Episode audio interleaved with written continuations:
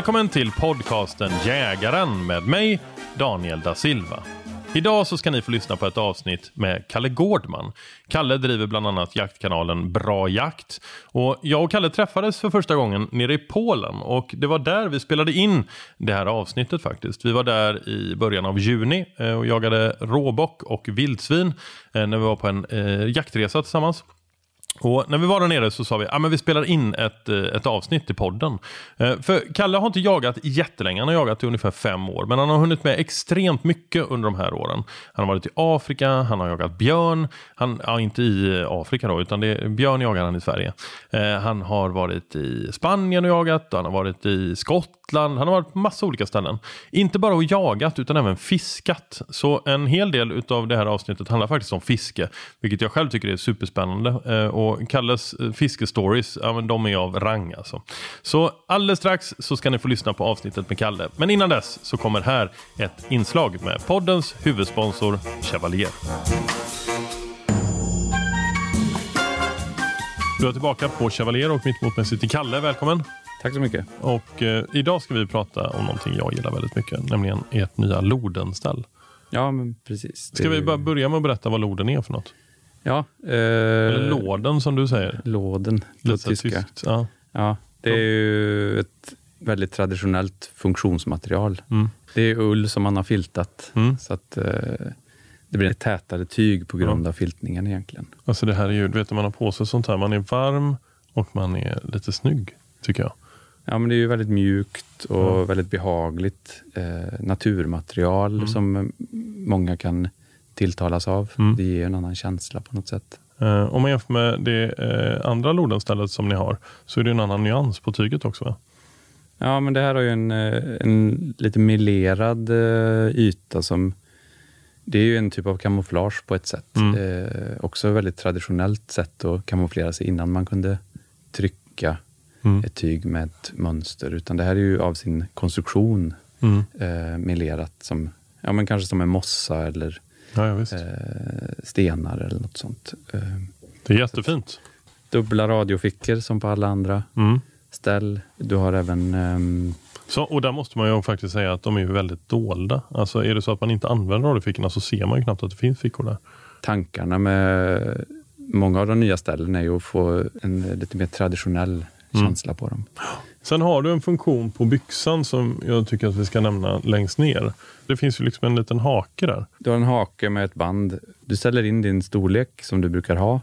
Du kanske använder samma kängor ofta. Mm. Och sen behöver du inte röra den. Och så har ni på insidan har ni den här kroken som du nästan alltid har. Ja. Man kan testa den i, i, kängan på ett ja. bra sätt. Och återigen då den här knappen längst ner så att man kan ventilera. Eh, suveränt, ja, vilket ställ! Tack så mycket. Eh, sånt här gillar ju jag. vet du. Nu har jag en springer spaniel också så jag ska ju hålla på och jaga eh, fasan och rapphöns och harar och grejer. Och då passar ett lodenställ alldeles utmärkt tycker jag. Ja men det, mm. det hoppas vi. Mm. Fint. Tack. Tack så mycket. Ja, då sitter jag här tillsammans med Kalle Gårdman. Eh, välkommen till podden Jägaren. Tack så mycket. Hur mår du? Jag mår bra. Gött. Ja. Eh, jag vet faktiskt om att du mår bra. Mm. Eh, ska du berätta för lyssnarna vad vi är just nu? Ska du berätta? Du kan berätta. Jag kan berätta. Ja. Vi är i Polen på råboxjakt. Mm. Helt fantastiska miljöer. Med lite sömn, mycket skratt och eh, ja, men det, är, det är smått fantastiskt här faktiskt. Ja. Ja, men vi, vi bara råkade ju komma på samma resa kan man säga. Ja. Eh, så Polen, eh, råbox och vildsvin kan man säga. Ja. Eh, för det, det, har ju fällts i princip lika mycket vildsvin som råbockar. Ja. Eh, det är ju otroliga mängder vildsvin. Ja. Och ute på dagarna också. Ja. Det är vi inte jättevana med hemma. Nej. Men vilket upplägg. Alltså vi ja. jagar på morgonen, vi jagar på kvällen. Eh, och sen så på dagen så bara hänger vi. Ja. Det är hur gött som helst. Sover, hänger och äter. Ja. Det är världsklass. Det är så här man ska leva hela sitt liv. Ja. Men det räcker att pimpa sitt liv med en tre dagars så här. Ja, men och dessutom så känns det som att varit här i fyra, fem dagar. Ja. Fast inte ens i två dagar. Men vi är ju vi är mitt, mitten av resan nu. Ja, vi sover ju väldigt lite. Ja. Vi slutar ju, det, är, det är ju juni månad ska sägas, eh, när vi spelar in detta. Eh, så vi, vi, går ju, vi åker ju till jakten klockan tre på morgonen. Och så kommer vi tillbaka och äter frukost. Och sen så eftermiddag vid eh, sjutiden så drar vi ut igen. Så det är... Ja, men när vi kommer hem från jakten så har vi i snitt två och en halv timme att sova. Ja. Innan vi ska jaga igen. Ja, det, är helt fantastiskt. Ja. Jag älskar det här upplägget alltså. Ja. Hur har det gått för dig hittills? Ja, men det har gått bra. Vi har ju med oss kameraman och en jätteduktig guide. Och har haft fina, fina situationer. Eh, Och resan är inte slut. Så ni som lyssnar på detta vet ju faktiskt. För filmen som du producerar just nu. Här i Polen. Den kommer ju vara släppt. När eh, vi släpper det här poddavsnittet. Ja, men precis. Eller? Den kommer någon gång i början av juli. Så lyssnarna vet mer om din Polenupplevelse. Än vad du själv vet just nu. Ja, Eller hur? fantastiskt. Ja, det är lite coolt. ja. Så ni får mejla in och, och berätta till Kalle hur det gick. Ja. eh, nej, men vi, nej men vi, man man ser ju väldigt mycket, mycket rådjur. ja. Och jag var ju på den här marken i oktober eh, och eh, under kronhjortsbrunsten. Eh, vi, vi, och då var det ju liksom en helt annan upplevelse av marken. För då jagade vi kronhjort och då var det liksom Visst jag såg några rådjur men det var ju kronhjort vi såg. Och nu har jag knappt sett en kronhjort. Nej, men de finns där. Vi har sett, vi har sett ett gäng kronhjortar. Inte de här riktiga kapitala. Nej. De kanske är här under brunsten bara, det vet man inte. Alltså det är ju det som är grejen med brunstjakt på kron också. Det är ju att då är de ju framme. Eh, alltså då är de aktiva på ett annat sätt. De är ju svåra att se annars. Ja, Kan jag tänka mig. Men rådjuren de är ju framme. Eh, Det ser man ju ganska många. Både bockar och mycket smaldjur. Och även nu då så här års eh, getter som eh, precis har fött. Eller som är tokdräktiga verkligen. ja vi satt ju och tittade på en get med kid i morse. eh, I säkert en timme. Ja, det är så fint. Ja, det är fantastiskt. Och en mink som hoppar omkring framför tornet. Där vi satt och... Ja, det är sjukt. Och sen finns det ju tvättbjörn här också. Ja, Eller raccoon dog. Det är väl mårdhund. ja kärt barn har många namn. Ja, verkligen. Eh, ja, men grymt. Men, eh, men så vi i alla fall, vi är alltså just nu i Polen och sitter då i en eh, herrgårdsliknande byggnad där vi bor. Och bara mår sjukt bra. Ja, så är det. Eller hur? Ja, och nu ska vi må ännu bättre för nu ska vi prata jakt. Ja, Och jag tänker att vissa utav eh, lyssnarna kanske inte vet vem du är. nej. Eh, Kalle Gårdman. Eh, du har fiskat i princip hela ditt liv. Ja. Eh, och du har jagat i cirka fem år va? Ja, något, ungefär. Ja, och, men du, under de här fem åren så har du ju upplevt väldigt mycket. Du har varit i olika länder och jagat och du har liksom jagat framför kamera och du har varit på massa häftiga jakter. Ja, det har gått snabbt. Ja, så då tänkte jag att det kan vara intressant med en gäst med det perspektivet också. Många av dem jag, jag, liksom, många av dem jag intervjuar har ju kanske jagat i 40 år och sådär. Eh, Men det har ju verkligen inte alla. Så jag tycker det är intressant att ha ett, liksom, ett eh, nytt eh, perspektiv. Eh, så, så jag kan tänka mig att du har. Ja, Eh, Så jag tänkte att vi kan börja lite grann med hur, hur kom du in på jakt? Ja, men det har ju funnits, jag var ju faktiskt i, i Afrika för nio år sedan och kom i kontakt med jakt första gången. Vi var där under en längre tid och skulle sätta upp ett volontärprojekt. Och då bodde vi på en farm där de var jägare. Och då var vi ute och jagade tre kvällar. Och eh, jag visste redan då att om jag börjar med det här så är det kört. Eh, och jag har ju fiskat så mycket och jag hade mycket mål kvar. Jag har inte fått min gädda över 15 ännu och, och en hel bucketlist med utlandsjakt, eller utlandsfiskande. Så jag tänkte att det här funkar inte. Men sen var det någon som kom på idén att men vi borde ta jägarexamen i alla fall. Ja. Och på den vägen är det. Eh, När jag sköt min första gris, vilket jag gjorde två dagar efter bössan hade kommit hem. Var det så? Ja, två dagar efteråt. Var det en sån här dagispappa som sa ja grattis. Jag la väl ut någonting på Facebook. Och, Ska du med och jaga gris? Ja, jag fick bössan på onsdagen. På fredagen sköt jag min första gris. Häftigt. Hur var det då? Nej men det var, det var helt liksom magiskt. Vi sitter i en koja och är helt tysta och skjutit in. Och jag fick skjuta på en, på en ölburk för att visa att jag kunde skjuta. Liksom, och, och sen bara sitter vi helt tysta och så säger han, nu är de här. Va? Vadå, vilka? Ja, de är här nu. Då har jag fått ett sms såklart från åtelkamera, men det fattade inte jag. Så jag bara. Och sen liksom tittade vi ut i gluggen där och det var helt fullt med vildsvin på båten. Och sen sa han, ja men den längst till vänster. Och så sköt jag. Och direkt efter skottet då fick jag det här skaket som jag får när jag stått och drillat en fisk. I fyra, fem minuter. Man vill bara se vad det är för någonting. Hur stor är den? Vad är det? Gädda, gös? Och sen dess var det kört. Ja. Och alla mina fiskepolare har sagt det, du kan inte börja med jakt för då blir det så här. Vi har sett många fiskebröder liksom byta sida. Men nej, Det, det känns som det är fler som jagar som också håller på lite grann med fiske än tvärtom. Eh, Fiskare, det är sällan man stöter på inbitna fiskare som, som jagar. typ. nej, det är väldigt sällan. Det, jag, tror att fisket, det har ju slagit jättestort. Nu är det så otrolig industri och så många som fiskar. Men jag, jag tror att, att det, man har sina mål att uppnå, man har sina liksom, folk, förebilder och jag vet inte, det är som jag, jag kan inte börja med golf. Nej. Jag kan inte... Men är du sån i, som människa att du, när, att du är projektig? Att du, Ja, men jag går all in. Så, ja. Mm. Det är allt eller inget på gott och ont. Så har det varit hela livet. Det, Vad är ont i det då? nej, men det är att jag nästan kan bli besatt. Ja. Det, jag har den personlighetstypen. Där, där en, en är för lite och tusen inte är nog. Okej. Det, Och, och när du blir besatt, vad, vad, vad händer då? Tycker du det är kul men- fortfarande eller blir det liksom... nej, jag tycker det är kul, maniskt. men jag nördar in i det. det och jag får aldrig nog. Alltså det är så här, oavsett om du kommer hem från ett bra fiske eller en bra jakt, då vill du bara ha mer. Ja. Har det gått dåligt, ja, men då vill du ha ännu mer. Så att det finns inget mellanläge. Men det är så sjukt. Att det, jag funkar ju lite på samma sätt.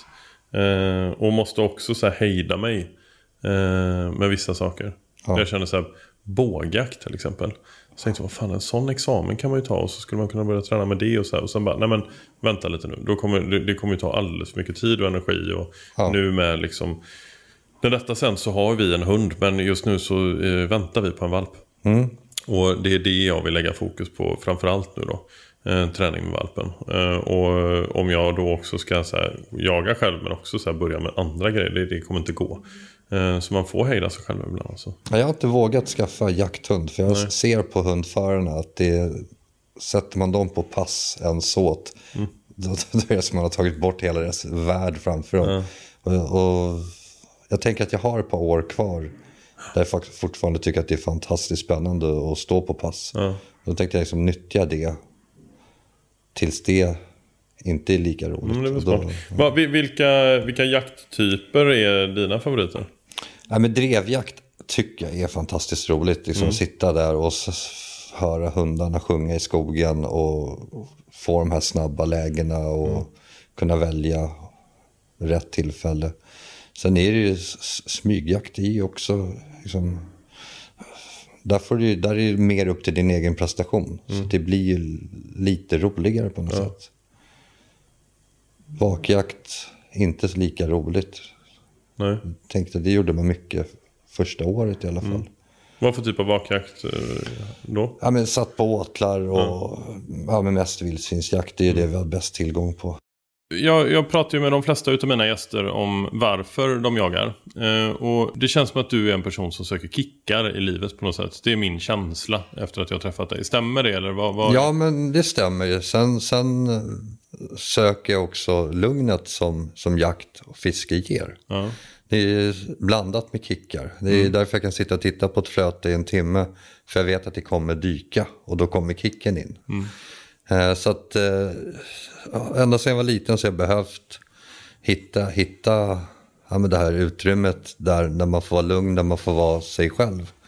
Jag är uppväxt eh, på, på Söder liksom, i betongen där vi lekte bland bilar och klättrade på hustak och inte ute i naturen så mycket. Ja. Så att när fisket kom in så liksom hittade jag en lugn plats där man kunde vara sig själv. Och den platsen fyller jakten. Det är lite coolt det där med, jag känner likadant. Men jag har liksom inte känt um, kopplat till jakten det här liksom med kickarna. Eh, men jag, jag tror att det är det i grunden. Alltså det är det som ger lugnet. Att man vet att det när som helst kan, alltså när som helst blir det spännande. Ja, nej, men det är med, med, både fiske och jakt. Folk undrar hur kan du sitta och vänta så länge? Hur kan du sitta i ett vaktorn i fyra timmar? Ja, men för att det är fantastiskt härligt att sitta där och njuta av fåglar och intryck och de vyer som uppspelas i skogen. Men samtidigt så kan det komma det viltet du är ute efter. Och då, då byts det där ut på, Ja, en- på en halv sekund till en actionfilm i huvudet. Så det, är, det, är- det är den delen.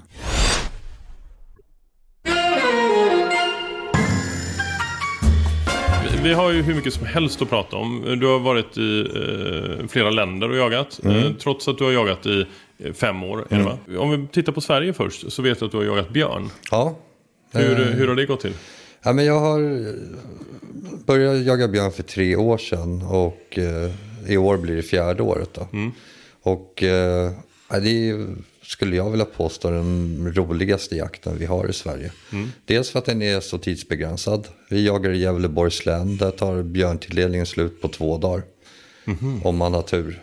Blandningen mellan att vara rädd och veta att det krävs allt av en. Du, du kan inte skadeskjuta för då kan du mista livet.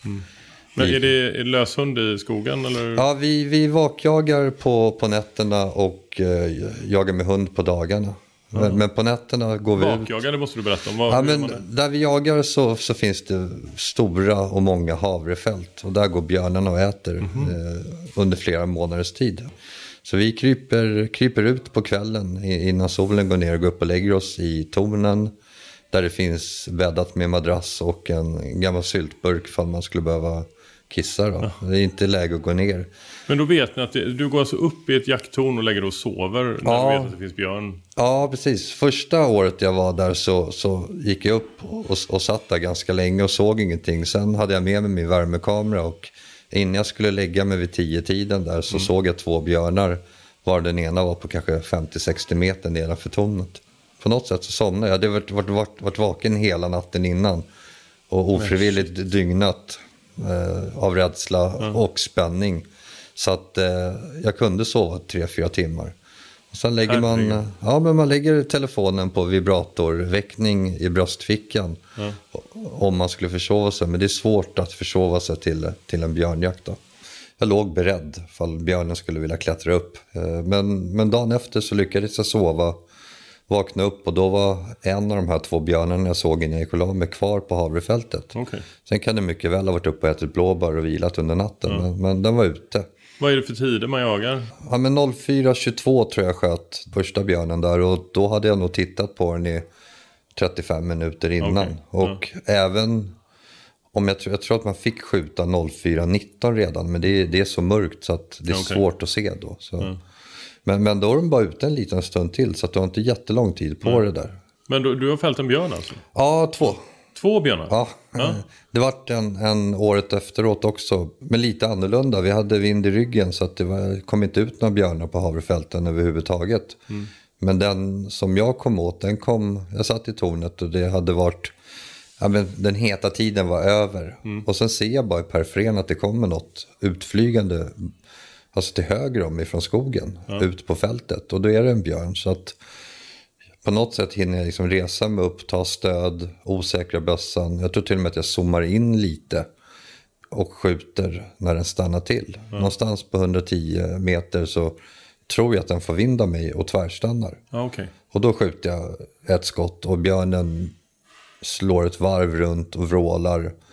Och eh, jag tror det var att kvällen innan eller dagen innan hade vi pratat om att vi skjuter två skott för att vara säkra.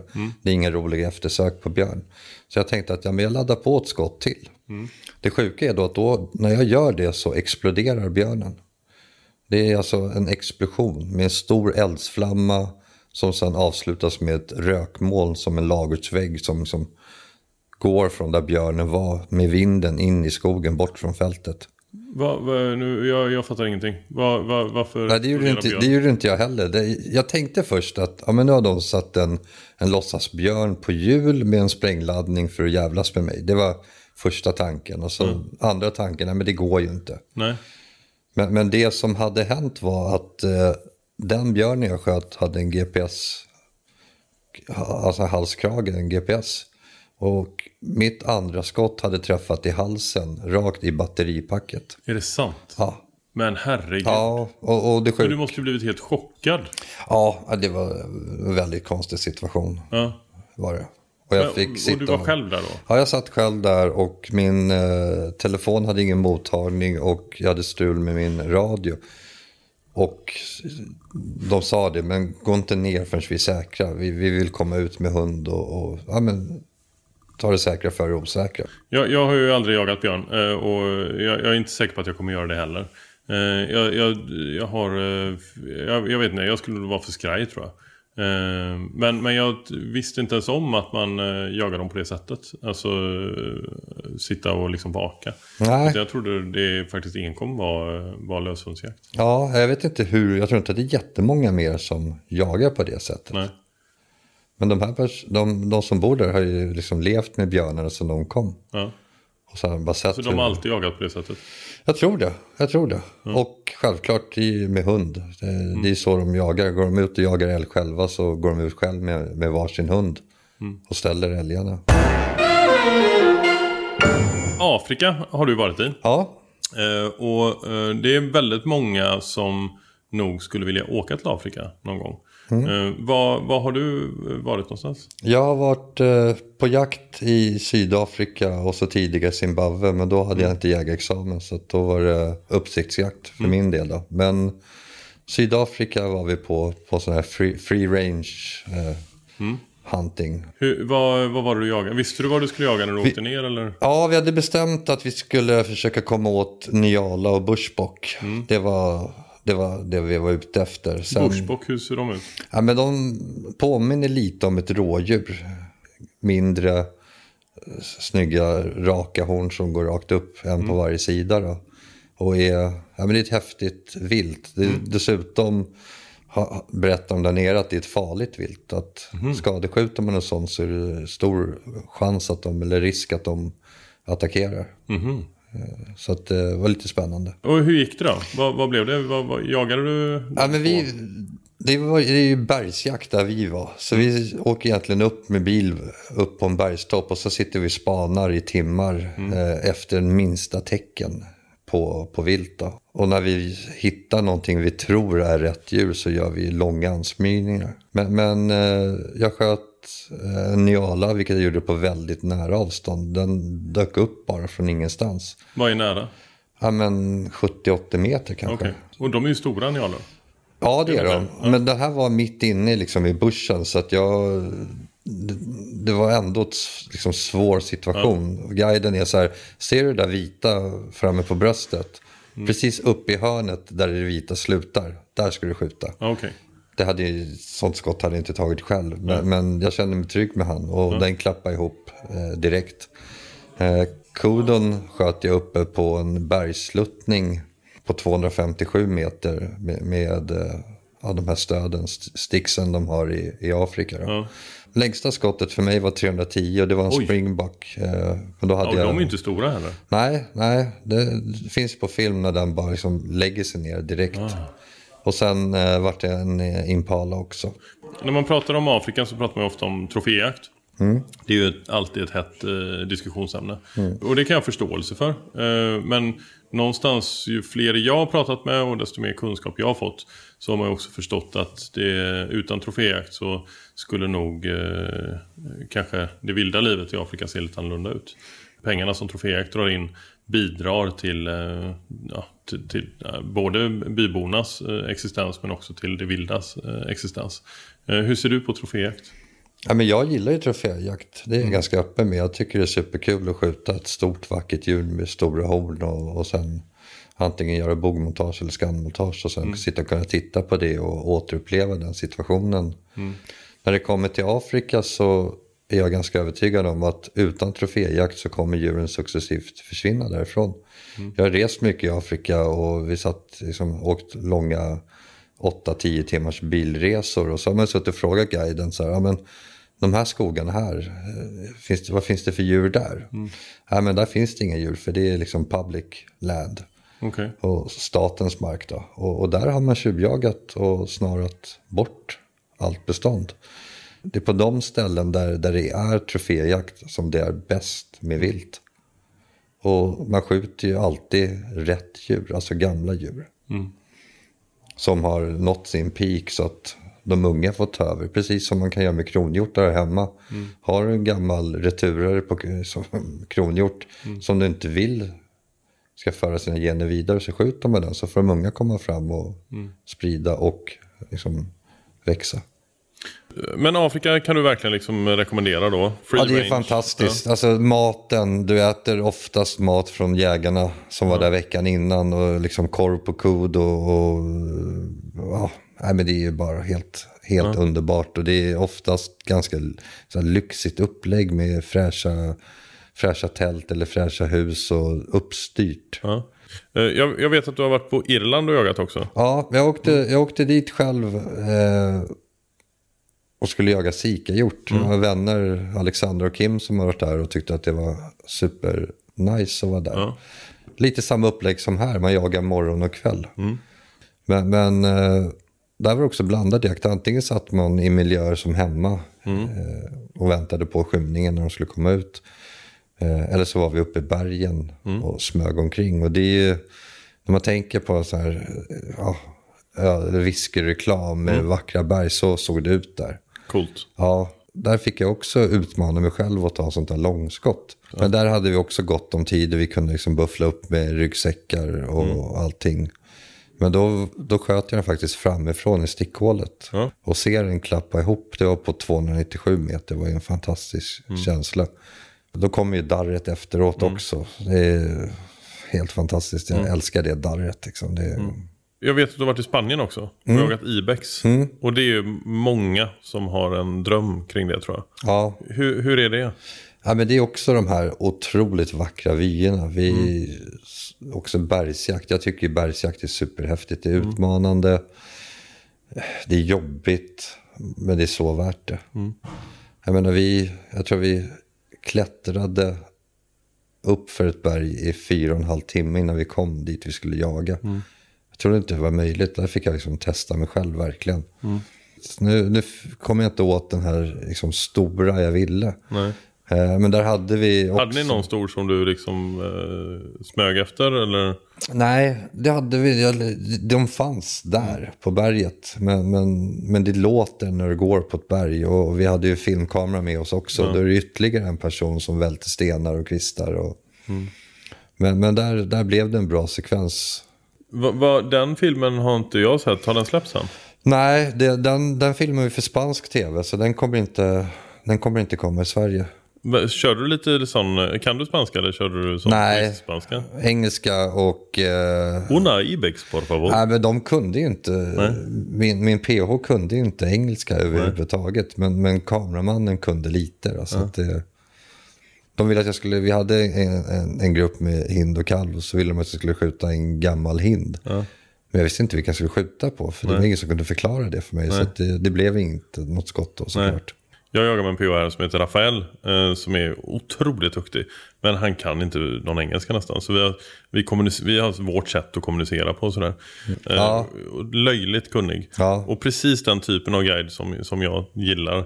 Lugn, sansad och bara liksom så här. Ett bra skott så lägger han bara liksom handen Mm. på axeln och så säger han good shot. Och jag fick en applåd i morse. Ja, han, är ju din guide är lite mer eh, exalterad. Ja, ja. Ja. men han, så fort skottet har brunnit av då åker kardan fram och sen en applåd i morse. Och sen springer han fram mot viltet samtidigt som han med ena handen plockar blommor, en bukett. Är det? För att kunna liksom täcka skotthålet och ge djuret sitt sista måltid. Ja. De är he- helt olika, Ja. David och Rafael. Alltså. verkligen. Jag skulle gärna vilja att vi pratar lite grann om bra jakt. Mm. Eh, Det finns ju en mängd olika jaktkanaler. Ja. Eh, och, eh, vet, hur länge har ni hållit på med bra jakt? Ja, men ett och ett halvt år med bra jakt. Ja. Jag jobbar ju med filmproduktion och, och, och när jag började jaga började jag såklart konsumera jaktfilm och så kände jag bara att det här kan vi göra bättre. Eh, det, jag menar, det är ju oftast relativt enkla produktioner.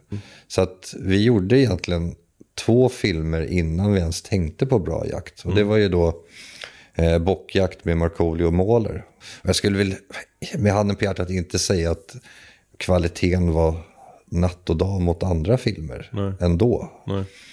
Alltså vi gjorde den och så gjorde vi en film på Brevens bruk med Marco och Adam. Eh, och båda vart ja, men, väldigt populära filmer och fick jättemycket visningar. Jag tror första filmen vi gjorde har 600 000 visningar på YouTube nu, och den andra 300 000. ja, det är mycket. Ja, ja, men det är mycket. Så mycket har vi inte varit i närheten av på bra jakt. Sen, sen, sen gick det ett tag, något år innan vi gjorde någonting mer. Eh, och sen, sen pratade jag med Marco och sa, men du, ska vi, inte, ska vi inte ta tag i det här med, med jaktfilm? Jag var på björnjakt då eh, och eh, hade pratat med honom kvällen innan och vaknade upp och hade typ åtta sms. Ja, men jag funderar, fan det låter kul liksom. Ja. Marco i ett ja. nötskal. Eh, och sen, sen satte vi igång och gjorde första filmen. Och då, då var min plan att Marco skulle vara jägare och så skulle han bjuda in ja, andra publika personer. Mm. Just för att på något sätt också legitimera jakten. Mm. Ser man Adam Alsing jaga, men folk gillade han och mm. han är en bra liksom, ambassadör för jakten. Mm. Så att första filmen var med Rafael Edholm och Marco och var ute och jaga. Mm. Sen, sen ganska snabbt märkte vi att så många publika personer är inte som jagar. Nej. Så att det, var så här, men det kommer inte funka. Nej. Men, men nu har vi dragit igång det här. Och, så att, Hur är tanken framåt då? Nej, men vi, med, med, Bra Jakt har vi, har vi alltid drivit det som ett hobbyprojekt. Mm. Det är ingenting vi ska leva på. Det är ingenting som... Alltså, det ska inte finnas några krav. Kommer Nej. ingen film på två månader så gör inte det. Nej. Och kommer ett brett projekt. Vi var jättenära att göra en serie med, med Dplay där Adam och Marcus skulle jagat. Och då hade mm. vi släppt Bra Jakt helt och hållet. Okay. Och, och satsat på den serien istället. Mm. Så att vi tar det lite som det kommer. Men då kan man ändå förvänta sig eh, att det kommer mer bra jaktavsnitt framöver. Ja, men det kommer det. Nu, nu, nu har vi lite planer och vi har en, en fantastisk mark som, som jag har hand om helt själv på 1500 mhm. hektar där det kryllar av kronhjort och vildsvin och älg. Det här avsnittet är även sponsrat utav JG Jakt. Och eh, För ett tag sedan så köpte jag eh, min första halvautomat eh, hagel, en Binelli. Eh, jag köpte den begagnad. Eh, ganska snabbt så insåg jag att den var för kort i kolven. Eh, allting var helt utmärkt men, men, eh, ja, men jag, jag, den, jag hade ingen bra eh, anläggning med den. Eh, så då gick jag in till JG och så bad jag att Stefan skulle kolla på det. För Stefan som jobbar på JG, han är eh, vrålkunnig. Så han höll på liksom att dra i mig och la den och jag fick sikta och ha mig och så sa han, ah, men den, är, den är för kort i kolven. Eh, du behöver lägga på någonting här.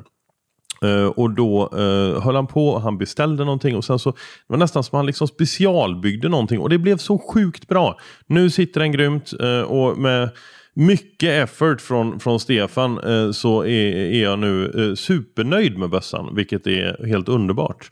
Eh, och är det så att ni också behöver fixa och trixa med era vapen, ja men då tycker jag att det är JG ni ska prata med. Fråga efter Stefan eller någon annan som jobbar där, för de är superkunniga. Uh, och eh, uh, JG håller inte bara på med uh, vapenreparationer och service och sådär. Utan deras utbud på vapen och tillbehör och liknande är alldeles fantastiskt. Så gå in på jgjakt.se eller besök butiken helt enkelt. Som ligger precis utanför Göteborg i Sävedalen på Göteborgsvägen. Tack JG Jakt!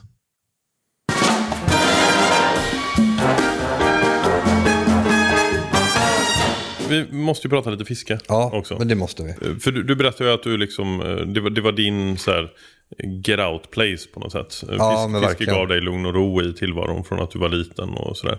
Är det det fortfarande? Eller är det någonting annat som driver dig kring fiske? Jag har nu under de här sista åren när jakten kom in fiskat otroligt mycket mindre. Mm. Men jag har i två år, senaste två åren så har jag börjat min semester med att lägga mig i tält och fiska karp en vecka bara för att landa. Mm. Det ger mig det här lugnet. Mm. Liksom, vi, vi lever ganska stressade liv. Mm. Och när jag kommer ut till en sjö så kan jag koppla av det. Men då är du där själv en vecka? Ja. Eller har du, har du liksom vänner med dig? Ja, men det, Eller liksom... Karpfisket, då är det ju oftast andra runt sjön. Ah, okay. men, men man sitter ju och vaktar sina spön för man ah. fiskar ju hela tiden. Så att du springer inte över till dem och hänger H där. Hugger de bara på natten? Nej, de kan, de kan ta på dagen. Men mellan tre och fyra är det golden hour precis innan solen går upp. Okej. Okay. Och då, jag har sett någon här, fiska med Anders. Mm. Man mäskar och man slänger ut i ja. botten. Uh, tjofräs va? Ja, nej, men det är reser tält, lägger upp tältsängen, gör ordning allting, sätter sig och, och knyter tafsar. Mm sitter och tittar över vattnet, ser om man kan liksom se någonting, om det bubblar lite, om de mm. går och äter på botten, om några vasströn slår till. Mm. Man försöker liksom någonstans lokalisera fisken och sen kastar man eller ror man ut betena och okay. så nerlagt kort ligger. Cool. Jag kan för övrigt, jag nämnde fiska med Anders. Har du sett det? Nej, Alltså Anders Ankan. Men det ligger på YouTube, Fiska med Anders. Eh, och är lite mer barnprogram. Alltså han, han fiskar med, med barn. Ja, okej. eh, och det är helt fantastiskt. Jag tittar på det med barnen. Mm. Eh, man lär sig jättemycket. Och jag har lärt mig det absolut viktigaste i jaktsammanhang av honom. Det är att man ska säkerhetsbajsa innan man går ut och fiskar. eller man går ut och jagar. Ja, nu, nu fick den här podden en annan vändning. Vi går tillbaka till karparna och annat. Jag, jag vet att du fiskar mal. ja, Och det är väl inte helt vanligt? nej, vi... I Sverige har vi ju stora fiskar som ingen, inte många vet om. Och, och när man visar bilder så säger folk att ja men kul, nu blir det ingen bad i sommar överhuvudtaget. Men vad, för, för, eh, alltså, vid lunchen igår så visade du, du berättade om malfiske. Och då visade du en bild till mig. Och det är ju ett monster. Ja, Vad vägde den? ja men största jag har fått och den jag visade vägde 49,5. Alltså det är helt sjukt stort. Nej, nu ljög jag. 48,5 vägde. Okej. Ja. Ja, sånt är viktigt. ja, sånt är er, er, har jag superviktigt faktiskt. Ja. Ja. Eh, Men så, så typ 50 kilo. Ja.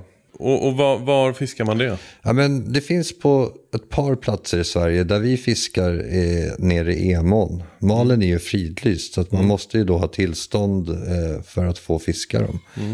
Att åka ner på den ån är som att komma till Amazonas och du är vaken hela natten. Och de nappar oftast när lampan släcks uppe där. Och, nej, det... Hur, hur fiskar man det? Ja, men vi fiskar dem från ytan. Vi fiskar dem med levande betesfisk.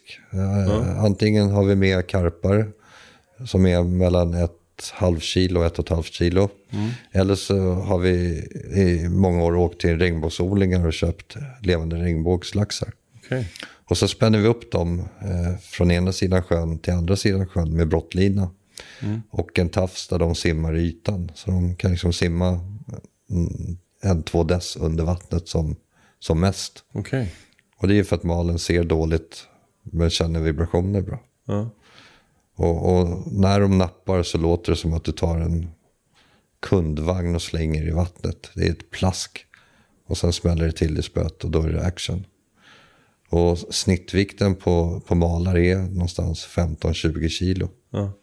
Det är sällan vi får dem små. Det, de brukar vara 15, 20, 25 kilo. Och hur var det att dra in en 50 kilos? Ja men det var Eller förlåt, häftigt. 48, ja, vad var det? 48,5. Ja, Nej men det var, det var superhäftigt. Eh, Jag trodde att den var ganska liten så jag stod från land och sa vi behöver inte båten, den här tar jag Mm. från land. Och sen började den dra och då var det båt liksom. Och så hade vi en som rodde och en till kille som hoppade, hoppade med. Då. Mm. Och efter tio minuter så, så säger Micke, som jag fiskar mycket med, att kolla här grabbar. Och då lyfter han upp årorna i båten. Och vi ser att fisken drar oss tre i den här lilla båten uppströms. Herregud. Samtidigt som det är så här tick, tick, tick på slivbromsen på rullen. Nej, det är Vad har du för lina då? egentligen samma utrustning som jag fiskar gädda. 0,45, 0,50 flätlina. Hur får man upp den i båten eller hur Ja, men- tar man upp dem? Ja, man sätter på sig handskar och, och, och sen får man liksom vänta tills de är klara. Men man tar dem liksom i underläppen och, och sliter in dem i båten. Sen ligger de över hela båten så att det är inte mycket plats kvar efteråt. Men de, s- lägger, de lägger man, liksom man lägger tillbaka. Alltså de... eh, Ja, fotar, väger och släpper tillbaks dem. ja. Går, tror- går det att äta mal? Ja, men alltså jänkarna gör ju det. Ja. Friterat Men är det mal de fiskar med händerna? Ja, Så jag har sett när de liksom går omkring och... ja, men det är Det är mal. så här brösthöjd vattnet och Ja, så, så visst. dyker de ner och bara drar upp dem i hålor typ. Och det är egentligen samma sak. De, jag tror de rör på fingrarna så att malen känner vibrationerna. Så går de fram och biter och då stänger du handen. Det är ju hardcore fiske. Ja, alltså. men det är lite coolt faktiskt. Det är det. Det låter häftigt, minst sagt. Ja, nej, det finns inget häftigare fiske i Sverige.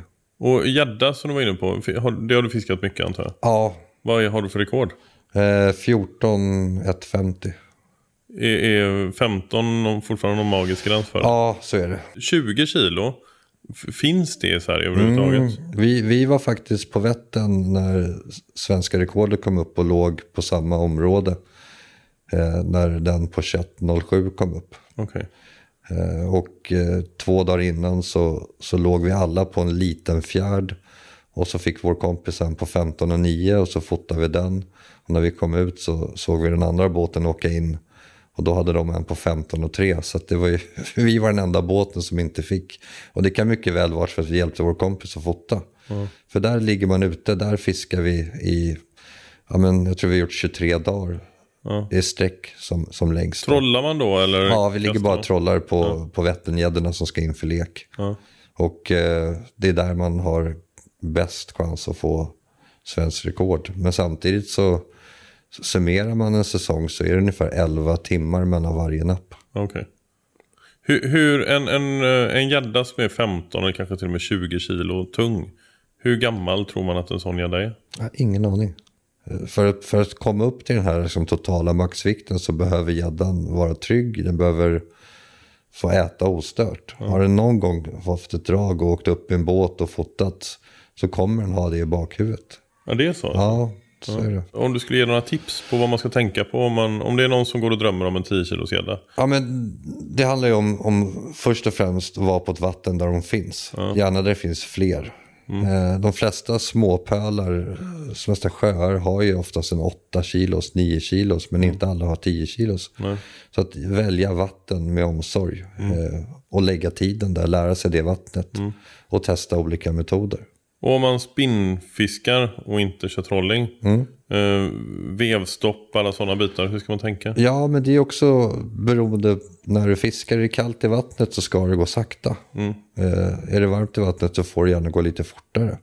Men, men min erfarenhet av att ofta saktare är bättre än snabbt oavsett. Så att de har gott om tid på sig att ta beslutet.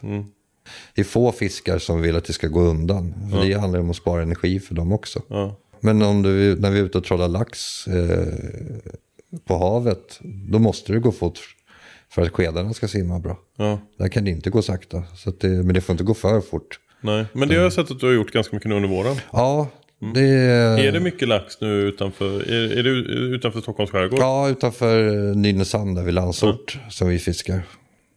Eh, Och även ute på Singö eh, på Ålands hav. Då. Men det, det gör jag varje år, det kommer jag aldrig tumma på. Det är så jävla häftigt också. Det, Hur stora är laxarna ungefär?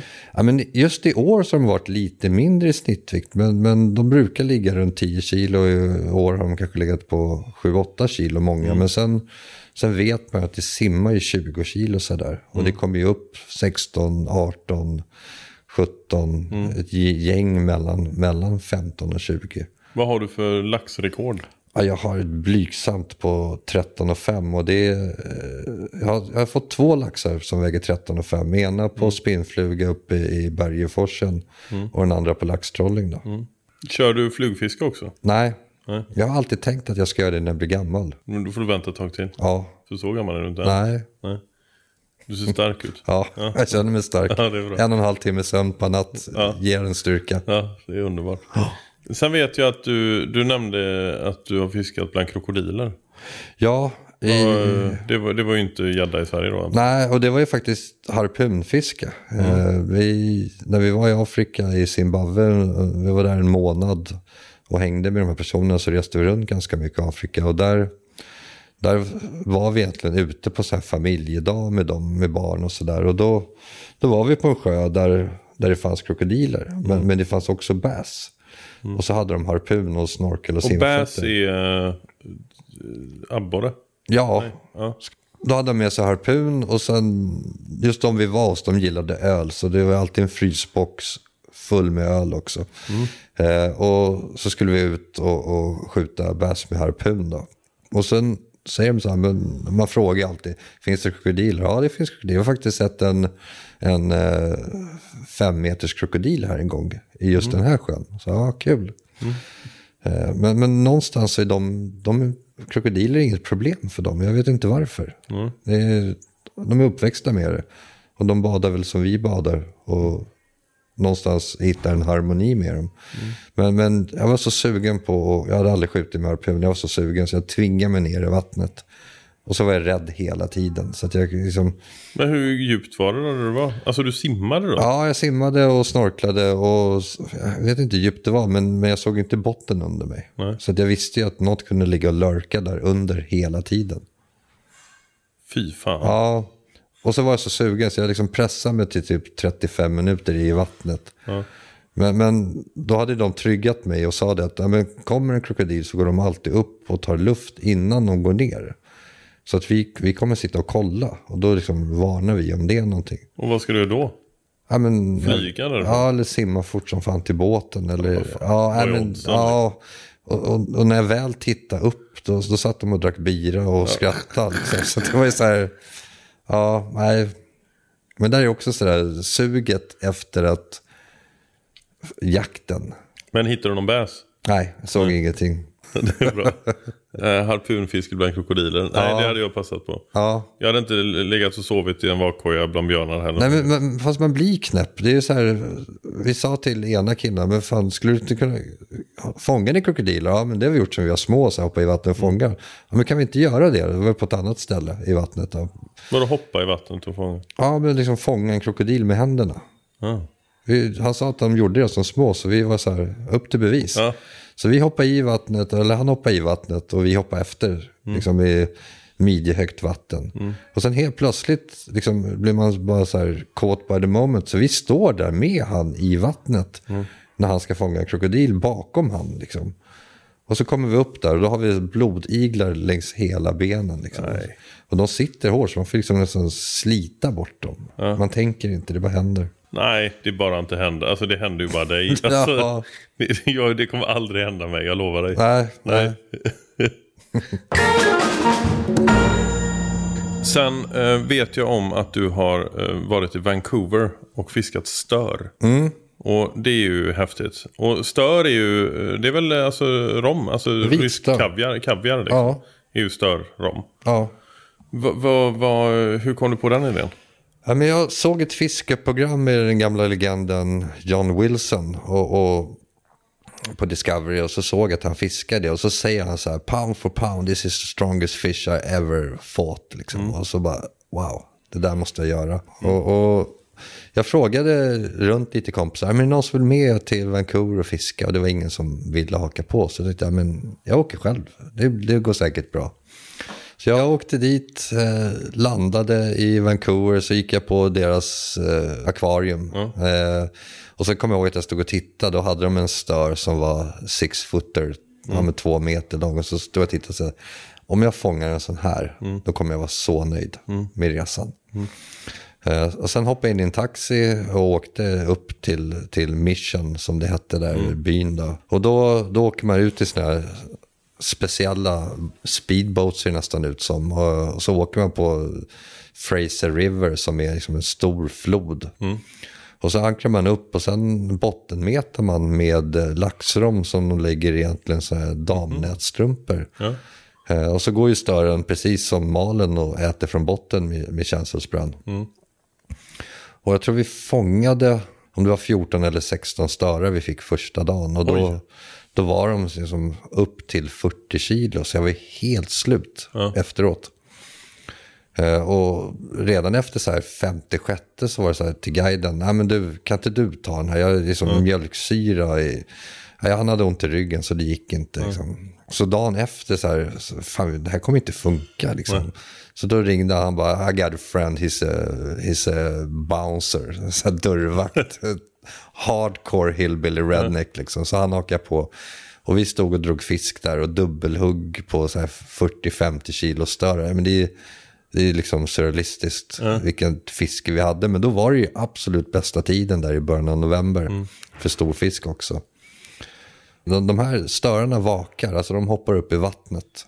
Jag vet inte om det är för att skölja gälarna eller varför de gör det. Men de hoppar upp, så jag ser en stor fisk hoppa upp. Så jag bara, I, I wanna go there. Liksom. Så vi ankrar upp där eh, och får på en jättefisk. Och när man, nappet ser egentligen bara, det är liksom pillar till lite i spötoppen. Och då är det bara att börja veva och när du känner motstånd, slit allt vad du kan rakt upp. Och när, och när du krokar dem, då drar de iväg som ett tåg. Ja. Och sen hoppar de i luften så man ser hela Men fisken. shit vilket fiske. Ja, men det är helt sjukt coolt. Och jag ser den där jättefisken hoppa och, och den går av liksom. Vi, vi får inte upp den fisken. Och, och han är så, that was a big one. Och vi fortsätter fiska och sen, sen krokar jag i en till fisk och den hoppar upp och den är fan ännu större. Alltså, Och vi håller på och åker efter med båten och, och sliter. Och det tog en och en halv timme. Och då står man ändå med liksom kralliga spön och kralliga rullar. Och så har du liksom spöbutten i magen. Nej, men sele fick vi inte ha. Han, han hade liksom ett AP-kort för vad den var. Så att han, han tycker vi, vi kör inte med det. Aha, liksom. Så här macho-stil. Så att den skulle sitta i magen. Okej. Eh, och vi håller på i en och en halv timme tills vi får in den där fisken. Och då ser vi att det är ett monster. Så att vi, han har ett lasso, ett vanligt rep, lasso runt svansen. Så boxerar vi in den på grundare vatten. Och sen hoppar vi, satte vi på oss vader och hoppade ner med den. Men då började han ringa runt. Och jag fattade liksom inte, jag såg att det var otroligt stor fisk. Men jag fattade inte hur stor den var. Och sen kom det båt efter båt. Folk slutade fiska och kom dit. Är det sant? Ja, och då har de ett märkningsprojekt så att det kom dit någon och skulle märka fisken. Och då var det den näst största stören som hade märkts i Fraser River någonsin. Och den var alltså 3 meter och 14 centimeter lång och 186 centimeter i omkrets. Det är en stor fisk. Ja, och så frågade jag "Ja, hur mycket väger den? Vi vill alltid veta vikten på våra fiskar. Holländarna vill veta längden, vi vill veta vikten. Och så säger de bara at least 600 pounds. Det är så här, minst det. Vi avslutar fiskebiten där Ja. tänker jag. Eh, Och vi ska börja runda av. Eh, Jag tänkte eh, kolla med dig du, hur du tänker framåt. Vad, har du några drömmar, mål? Ja, jag, har, jag har ju precis sagt upp mig från, från mitt jobb, Ja. min trygghet. Eh, och känner mig superfri i det, utan att ha en riktig plan. Jag ska ta en, en lång semester, jag ska jaga mycket, jag ska fiska en del. Eh, och försöka hitta ett sätt att kunna jobba med det jag brinner för. Och det är fiske och jakt. Och, och det finns planer. Vi, vi jobbar ju och producerar film åt andra jaktrelaterade företag och har gjort det i flera års tid och kommer fortsätta med det. Så att eh, det är egentligen planen och, och också... Är, är, är du rädd för att eh, ditt intresse ska bli ditt jobb och att du då tappar liksom glädjen i det? Ja, men det är jag. Det är jag. Och det har jag sett eh, framförallt på, på folk som jobbar med fiske. Eh, men jag har också sett folk som har fiske, liksom jobbar med fiskeguide och inte kan tänka sig något annat. Och bara hitta glädjen i att se andra få fisk. Precis som de här liksom, ruttade jägarna. Eh, som hellre ser någon skjuta sitt första vilt än att skjuta tio själv. Ja. Och få liksom återuppleva hela den delen. Så att, eh, jag tror att det alltid handlar om balans egentligen. Och jag menar spela in, spela in en, en, en kul reklam slash jaktfilm i Stalon kommer ju aldrig ta bort mitt intresse för jakt. Nej. Det är ju bara superroligt. Vad vågat av dig. Ja, Eh, Det är få som eh, vågar ta det steget. Det är nog väldigt många som har tänkt tanken många gånger. Men som inte har vågat ta steget. Ja, men jag har lovat mig själv att om jag inte liksom brinner för det jag jobbar med då, då måste jag byta. Och jag är ganska trygg med att saker och ting löser sig. Inte alltid som jag vill eller tror, men oftast är det bättre. Stort lycka till med detta. Och Ja, super. eh, jätteglad att du ville ställa upp. Och vi kommer fortsätta hänga här i två dagar till. Ja, vi ska ju äta om två timmar, sen ska vi jaga. Ja, och då är det... eh, Jag har ju inte fällt någon, eh, någon större bock. eh, Utan för mig jag har fällt en liten bock och sen så har jag fällt två vildsvin. Mm. Och du har inte fällt något vildsvin Nej, på, på resan? Nej, Och det är du och- lite sugen på va? ja men det är jag. Och nu, nu har jag skjutit några, några bockar och nu, nu är det kameramannens tur. Eh, kul att prata med dig. Ja, Eh, detsamma. Vi får fortsätta att prata såklart efter podden. Ja. Men för er som har lyssnat eh, så är avsnittet slut nu. Eh, och jag hoppas att ni eh, tycker att det har varit eh, intressant att lyssna på Kalle och hans berättelser från Afrika och Irland och, och Spanien och Sverige och även fiskebiten. Jättekul att snacka med dig. Detsamma.